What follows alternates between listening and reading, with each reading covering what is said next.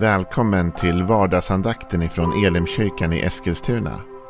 Det här är en podcast som kommer ut måndagar till fredagar. Om du vill veta mer om vilka vi är, vad vi tror på, hur du kan komma i kontakt med oss eller vad vi kan erbjuda dig för någonting så gå in på www.elimkyrkan.com. Får jättegärna gå in och likea vår Facebook-sida. Det är facebook.com elimeskilstuna. Eller så söker du upp oss på YouTube och då söker du på Elimkyrkan Eskilstuna. Vi vill jättegärna komma i kontakt med dig. Men nu lyssnar vi till dagens andakt. Välkommen till vardagsandakten och den här onsdagen då vi ska fortsätta med psalm 73. Det är en psalm skriven av Asaf och eh, det är en psalm som bearbetar en del svåra ämnen som tro och tvivel och som jobbar med att Asaf ser saker som stör honom och som gör honom upprörd. Och som han funderar på hur han ska förhålla sig till. Och den text ur psalm 73 som jag tänker dela med dig idag. Den är just ganska negativ. Och eh, man kan fundera på varför ska du dela den med oss Joel? Kan du inte bara ta något upplyftande, glatt, positivt? Men jag tror att det är viktigt att vi vågar dela där. Därför att jag tänker att det handlar om igenkänning. Jag tror att det är viktigt ibland att vi får känna igen oss i de här gudsmännen. Asaf var en djupt troende man. Som tjänade i templet som lovsångare. Han tjänade under både kung David och kung Salomo. Han var med och spelade vid invigningen av templet. Han var en högt aktad person. Och han brottas med frågor och han brottas med funderingar. Kanske inte helt olika faktiskt en del av de frågor och funderingar som människor kan brottas med idag. Och då tror jag att vi genom att läsa hans funderingar också kan känna en igenkänning. Och det kan vara positivt. Därför då känner vi oss inte ensamma utan då känner vi att okej, okay, det fanns fler som har känt eller tänkt eller funderat i till exempel de här banorna. Men sen kommer vi komma till positivare delar av salmen eh, lite längre fram. Där vi också läser om vad han kommer för till insikt till slut. För ofta så är det ju så med tvivlet och funderingen att det leder oss fram ändå till en fördjupad insikt om någonting. Psalm 73 och vi ska läsa några verser. Vi har redan talat om att han ser saken lite tokigt. Asaf, han har haft en bild av att de här människorna, de har inte ens svårt eller jobbigt. De har det bara hur bra som helst. Och de har inte ens vanliga plågor som andra människor. Allt det där har vi kommit fram till igår att det stämmer nog inte ens. Asaf, han ser det han vill se eller det han tror sig se. Men sen så ser han någonting som säkert stämmer. Och det är från vers 8 och framåt några verser. Så talar han hur de här människorna beter sig, de gudlösa som han talar om. Och då säger han så här. De hånar och hotar med ondska. Överlägset hotar de med förtryck. De öppnar sin mun mot himmelen och deras tunga far fram på jorden. Därför vänder sig människor till dem. De suger i sig vatten i mängd. De säger, hur skulle Gud kunna veta? Den högste har väl ingen kunskap. Sådana är de gudlösa, ständigt trygga med växande rikedom.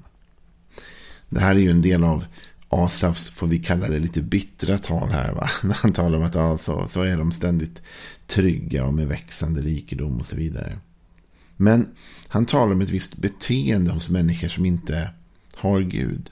Och det är det här beteendet han ser och som stör och retar upp honom. Att han tycker att de har välgång trots att de beter sig på ett förkastligt sätt, får man väl säga.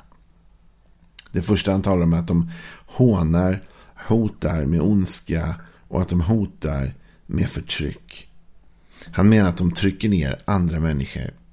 Han ser att det finns människor i världen som inte tror på Gud. Och de här människorna, de hånar andra människor. De hotar med, sin, med ondska och de, de hotar med förtryck ur en överlägsen position. De är ovanför och trycker ner. Och ändå tycks det som att det går bra för dem. Det är det som stör honom. Men visst kan vi även se idag att det här finns även i vår tid och i vår värld. Människor som hånar, människor som hotar med ondska och som hotar med och faktiskt utövar förtryck emot andra människor. Jag menar, det är bara något år sedan här nu som den här stora metoo-rörelsen blossade upp och talade om det förtryck som många kvinnor hade upplevt av män i en överlägsen position på olika sätt. Det är det första Han ser människor som förtrycker andra och tycks, vad han ser, komma undan med det och ändå må bra. Det andra är, säger han, att de öppnar sin mun mot himmelen och deras tunga far fram över jorden. Och vad talar han om då? Jo, då talar han om att det här är människor som trotsigt liksom ställer sig upp emot religion och tro. Va? De höjer sin tunga mot himmelen. Alltså de, de, de, de, de öppnar sin mun mot himmelen. De uttalar sig mot religion, mot tro, mot Gud. Det är inte bara det att de har en passiv inställning till det eller inte bryr sig.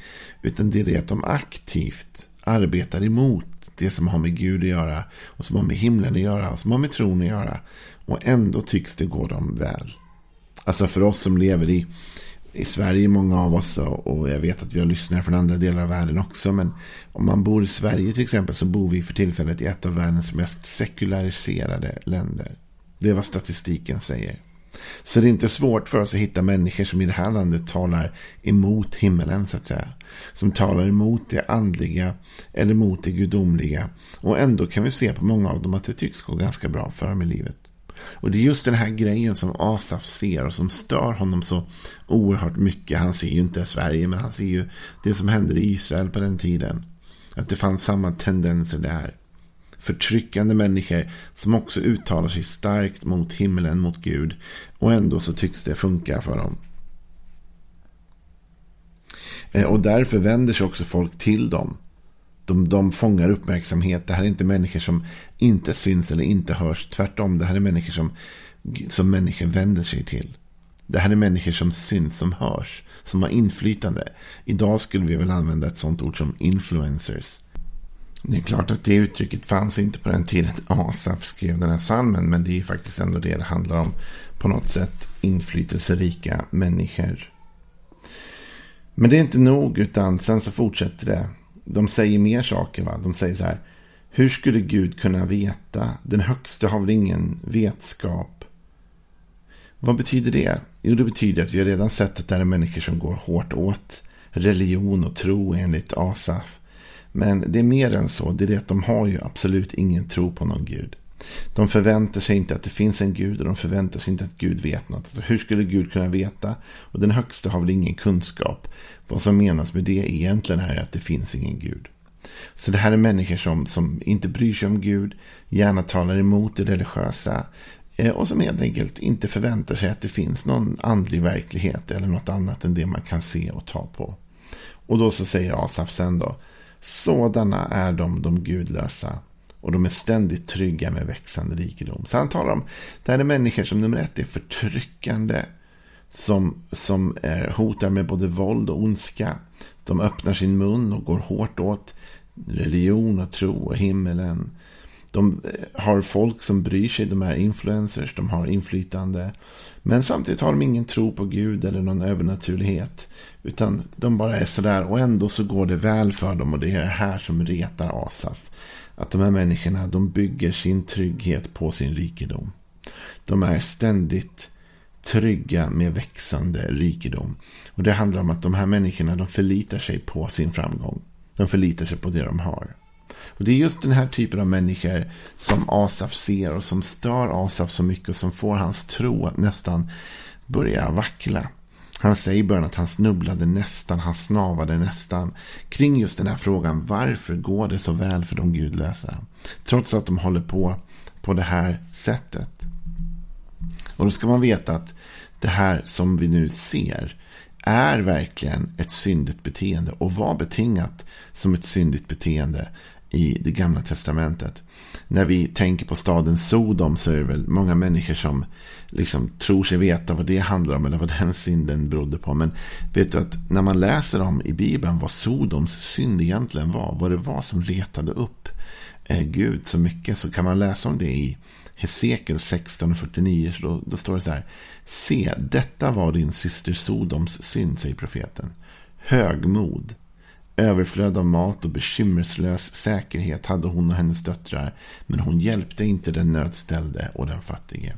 Så här talas det om att, att det var en stad full av högmod, av överflöd av det goda, Eh, och som hon hade som säkerhet. Men att hon sen inte brydde sig om den nödställde eller den fattige. Man kan nog till och med säga att hon var förtryckande.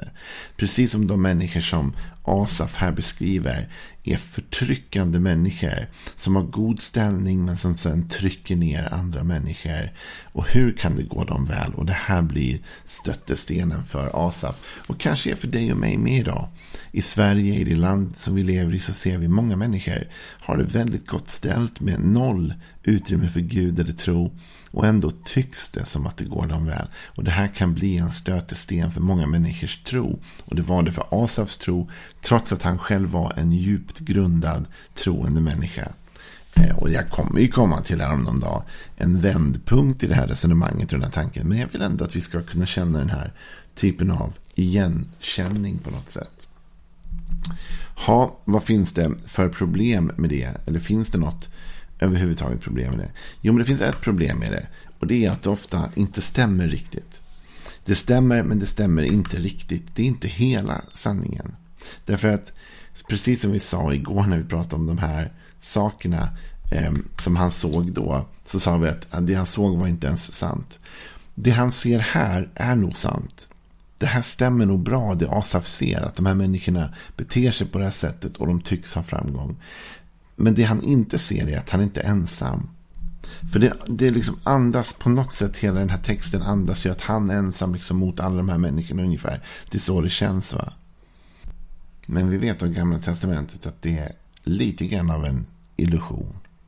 Att det inte är så illa jämt som det ser ut. Det är så som han känner. Men, och han ser, men han är inte ensam som han kanske tror. Det finns ju en profet i Gamla Testamentet som får för sig att han är helt ensam. Och han klagar till Gud och, och han känner att han är helt ensam och övergiven och det är bara han kvar. Mot all gudlöshet. Och Gud kommer till honom och säger, men det är inte så som du tror. Och det står faktiskt så här i första kungaboken 19 och 18. Men jag har lämnat kvar i Israel 7000 män som inte har böjt knä för Baal och inte har gett honom kyss. Så vad är det Gud säger till profeten? Okej, okay, du känner dig som att du är ensam mot hela den här gudlösa skaran och du känner dig hopplös och du känner dig övergiven. Men, säger Gud, du är inte ensam. Det finns 7000 män till. Och 7000 kontra en är en väldigt stor skillnad, eller hur? Det innebär att profeten såg inte hela bilden. Och jag tror att det som är viktigt för oss att förstå här är att det kan tyckas som att det här är sant. Vi ser att de gudlösa har framgång. Vi ser att de som förtrycker har framgång. Vi ser att människor i samhället som vi inte tycker borde ha framgång tycks ha framgång. Och det ligger nog ett visst mått av sanning i det. Vi kan inte bara bortförklara det som det vi gjorde med det vi talade om igår. Att det här är nog helt bara fel, hela grejen som han säger att han ser. Det här är nog sant. Men det är inte hela sanningen. Därför Gud säger till profeten till exempel vid ett tillfälle. Du vet, det finns många kvar i landet som inte beter sig sådär.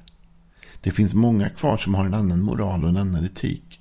Och när du och jag blir besvikna över världen och vi blir besvikna över det vi ser. Vi blir besvikna över att det finns förtryckande människor som, som far fram emot Gud och far fram emot sina medmänniskor och som struntar i himlen och Gud och allt annat och som tycks ha framgång. Så ska du veta att det finns många människor som inte delar den uppfattningen. Det finns en stor tyst grupp av människor som inte är ute och låter så mycket men som finns där. Och som Gud pekar på i profetens fall och säger Du vet, du är inte ensam som du tror. Det finns 7000 till som finns här. Och någon gång så kommer det med andra ord att komma liksom, något sorts uppror mot detta. Det kommer ju bli en revolution till slut. De här 7000 kommer resa sig upp vid rätt tid. Så du och jag behöver känna ibland när vi står inför de här tankarna som Asaf brottas med. Vi är inte ensamma. Det finns många fler troende än vi förstår eller vet än vad statistiken säger. Med andra ord skulle man kunna säga att Sverige är inte så sekulariserat som vi tror. Det finns jättemånga människor som sitter hemma och ber till Jesus eller tror på Gud. Det är bara det att de inte öppnar mer. De vågar kanske inte säga det hur som helst. De vågar inte dela det hur som helst. Men vi är inte ensamma. Jag tror vi kommer upptäcka när väckelsen kommer, som jag hoppas ska komma i alla fall, att det har funnits en bra mycket större grupp människor som har levt med de här tankarna och värderingarna om den kristna tron än vad vi har förstått. Och när tiden är rätt så kommer de kliva fram. Så Vad var meningen med den här andakten idag? Det var det att få känna att om du tänker och känt som Asaf så är du inte ensam. Det finns många som har tänkt och känt så. Att varför går det bra för vissa människor som det inte borde gå bra för tycker vi. Och sådär va. Men för det första, det de gör är en synd. Och för det andra, det finns många som inte delar deras värderingar. Det är bara det att vi inte alltid ser det. För de är mycket mer tysta, inte så högljudda och inte så skrytsamma. Ha en välsignad dag. Och imorgon, kära vänner, då kanske den här storyn börjar vända lite grann. Häng med då med.